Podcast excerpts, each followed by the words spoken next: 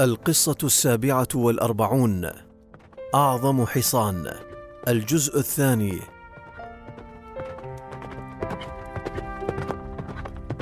من علم الخيل أن باسمي تناديني وأني إذا جيت من البعد تلقاني تفرح بقربي وتمازحني وتحييني. وإن غبت عنها على نار الثرياني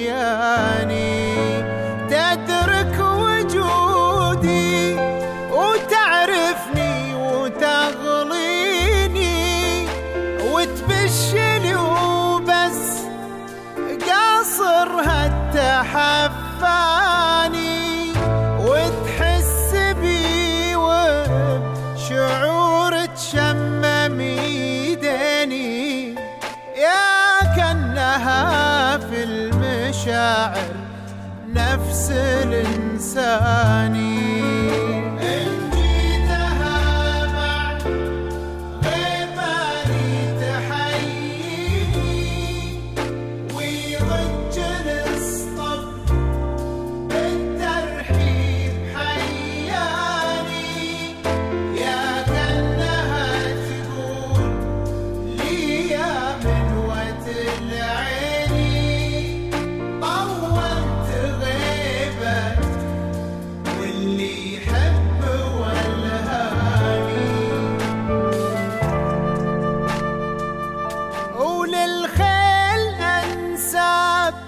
وأوطان وبلاديني وفي الخيل أسرار محفوظة بكتماني. بدا لي بأنه أفضل من الحقيقة منذ صغره. كانت مشيته مختلفة تمنحه فرادة وتميزا عن سواه. كان يركض قافزا بوثبات طويلة وبأسلوب مثير للإعجاب حتى قبل أن يكتمل نضجه ونموه. كان يقوم بحركات التفافية تثير إعجاب كل من ينظر إليه. كانت مشيته تكفيني لأعرف أنه هو دون أن أراه. كانت له هيبة بوقفته الشامخة ولونه البني الداكن. أسميناه يازار صغيرا ثم دبي ميلينيوم كبيرا. أسطورة السباقات الذي ملك قلبي. أرسلته إلى نيو ماركت ببريطانيا عندما كان عمره حولين. لأختبره في السباقات على الأراضي المعشبة. أمضى الربيع هناك ومع بداية أكتوبر بدأ يشارك بالسباقات. كان مبهرا منذ البداية. شارك في سباقات تجريبية في دونكاستر وفي جودوود وفاز بها جميعا وهي سباقات تحضيرية للديربي الإنجليزي. ثم شارك في سباق الملكة إليزابيث الثانية Stakes في أسكوت وفاز بها. كما فاز في سباقات في فرنسا وأمريكا بسهولة على الكثير من خيول السباق المعروفة. كان دبي ميلينيوم حصانا يحب الفوز ولكن على طريقته. كان يسابق بالطريقة التي يراها هو مناسبة دون الاستماع كثيرا لمن يمتطيه. كان مختلفا ينطلق منذ البداية بأقصى سرعة ويستمر متفوقا حتى النهاية.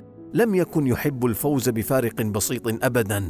كان يحب التباهي كان يكسر عزيمة منافسيه بقوة منذ البداية بل كان يلغي وجودهم ويحط من قيمتهم بشدة لدرجة تقعدهم عن الجري كالسابق مرة أخرى.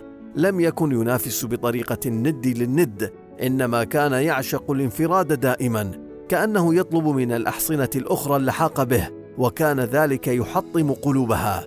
لكن الحصان العظيم لا تليق به إلا سباقات عظيمة.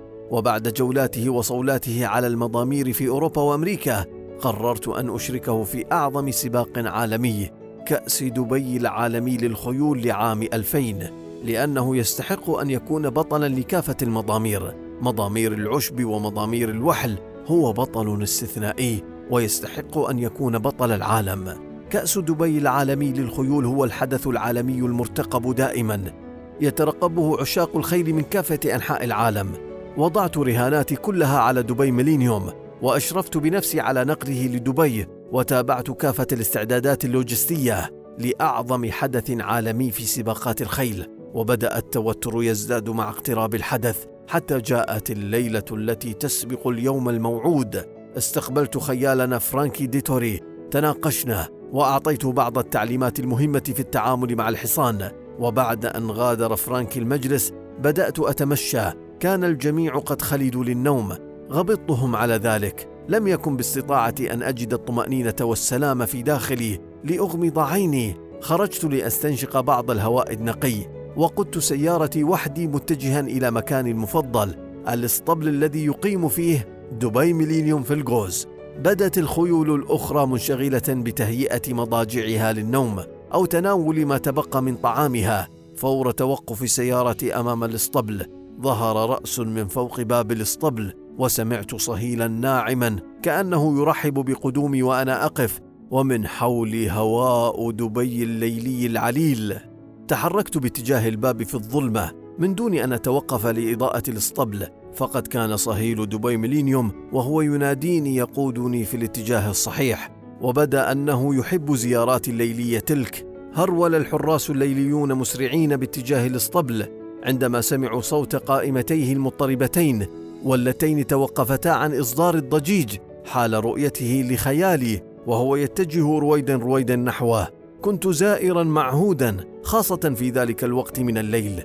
أمسكت بمزلاج الباب وزلقته جانبا وهممت بالدخول فتراجع دبي ميلينيوم إلى الخلف ببطء ليفسح لي المجال للدخول وضعت يدي بهدوء على أنفه. ثم اتجهت لأغوص في كومة القش التي كانت بجانبه. جلست على القش وظهري ملاصق للحائط. أخفض رأسه بكل هدوء. واقترب ليبحث عن طعامه المفضل الذي أحضره معي دائما وأضعه في جيبي.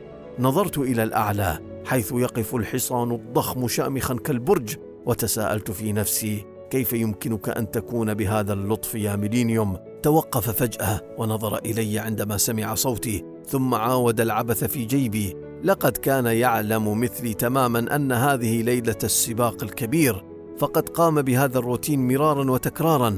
الضمادات التي توضع على قدميه عدد المرات التي قمنا فيها بسحب الدم منه للتأكد من لياقته مراقبتنا المستمرة له. خلال فترات ما بعد الظهر لدى خروجه من الاسطبل والتي كان ينتبه لها ويعرفها. كان يعرف بذكاء كبير أن هناك سباقا كبيرا في انتظاره لكنه لم يكن يأبه كثيرا أو يهتم كثيرا وكأنه يقول بأنه أكبر من ذلك. مددت يدي إلى جيبي وأعطيته الجزر التي يبحث عنها. كانت أذناه تتحركان للأمام والخلف وهو يستمع لنبرات صوتي. يا صديقي لقد انتظرت قدومك كل حياتي. توقفت عن الكلام قليلا بينما لم يقم هو بأي حركة. وهنا استطردت قائلا غدا هو اليوم المنشود. هذا السباق يعني لي أكثر من أي سباق مضى. ربما أنت مهتم بسباقات أخرى في أوروبا وأرجاء العالم لكن هذا هو وطني وأريدك أن تجري هنا. الآن غدا يا صديقي لاجلي ولأجل دبي ولأجل الإمارات. بدا لي أنه تفهم ما طلبته منه. فقد خطى خطوة للأمام ووضع أنفه قريبا من وجهي للحظات بدت لي وكأنها دقيقة كاملة. ثم أخذ نفسا عميقا وتنهد. وضعت يدي على خطمه وأنا أهم بالوقوف. فقد انتهت زيارتي لهذا الكائن الملكي. اتجهت نحو الباب وفتحته. وقبل أن أخرج أدرت وجهي إليه وابتسمت. وبدوره أدار وجهه إلى النافذة واراح ساقه الخلفية. أشرقت شمس الخامس والعشرين من مارس 2000 في كأس دبي العالمي للخيول. يوم طال انتظاره. بعد عدد من الاجتماعات الصباحية السريعة قمت بجولة تفقدية بعد الظهيرة للكشف عن النقاط الأمنية الخاصة بالسباقات.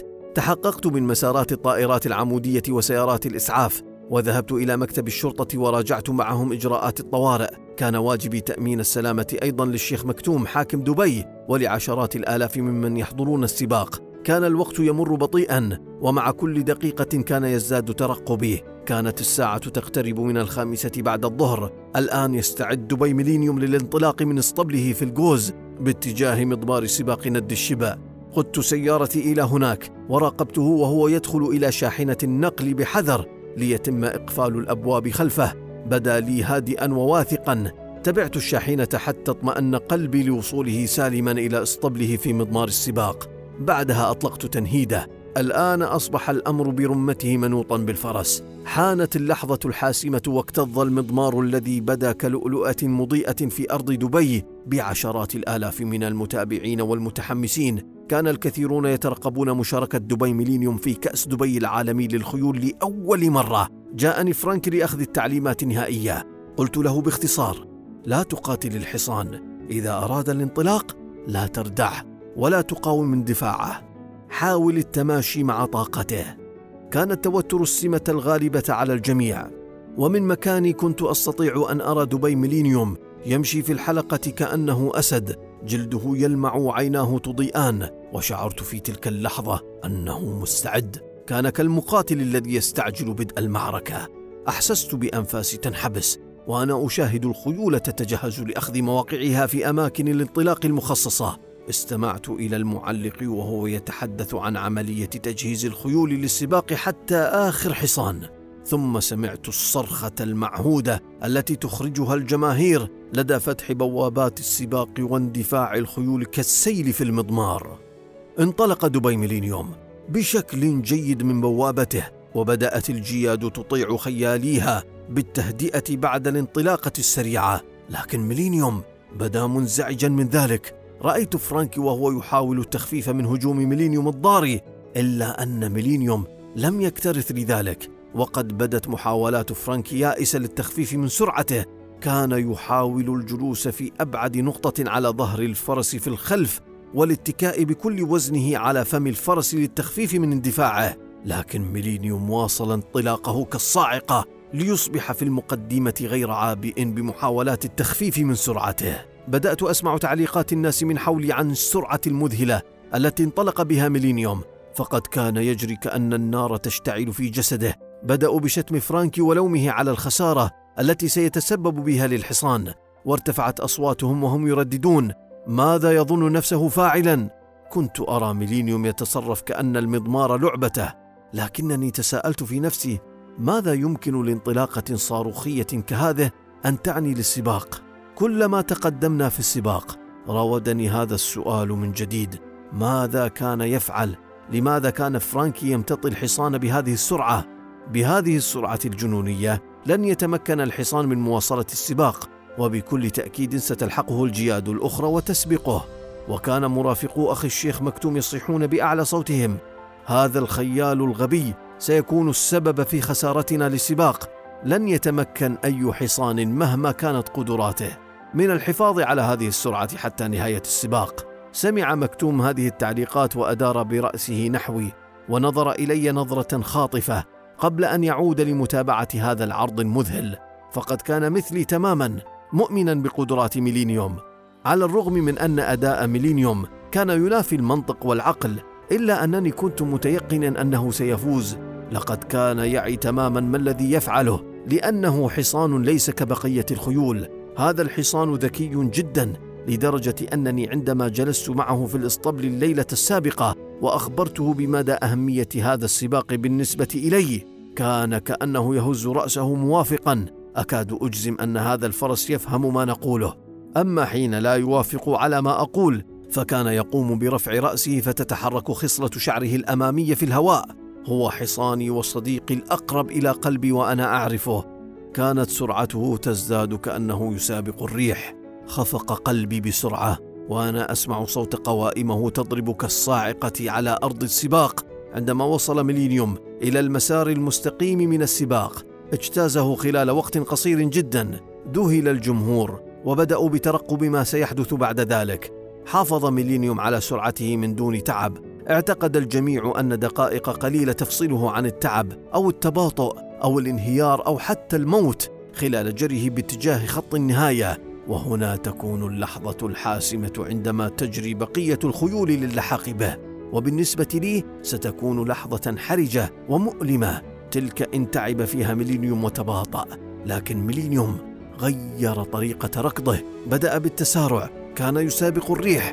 وكانت أذناه منصبتين. واصل الجري كأنه يهرب وعندها وثب الجمهور مشدوها لرؤية هذا الحصان يهجم كالصاعقة باتجاه خط النهاية ووقف فرانكي ورفع يديه عاليا واصل ميلينيوم الجري بأقصى سرعة حتى إن الحصان بيهرنز كان متخلفا عنه بست مسافات وتلته بقية الخيول بالمقدار نفسه حطم ميلينيوم الرقم القياسي. هاج الجمهور وماج من الإثارة والتشويق فقد كان ما حدث أمرا نادرا وفريدا واستثنائيا في سباقات الخيل. في تلك اللحظة ألقيت بطاقة السباق في الهواء وقفزت من الفرحة عانقت أخوي وكانت مشاعر الفرحة لا توصف.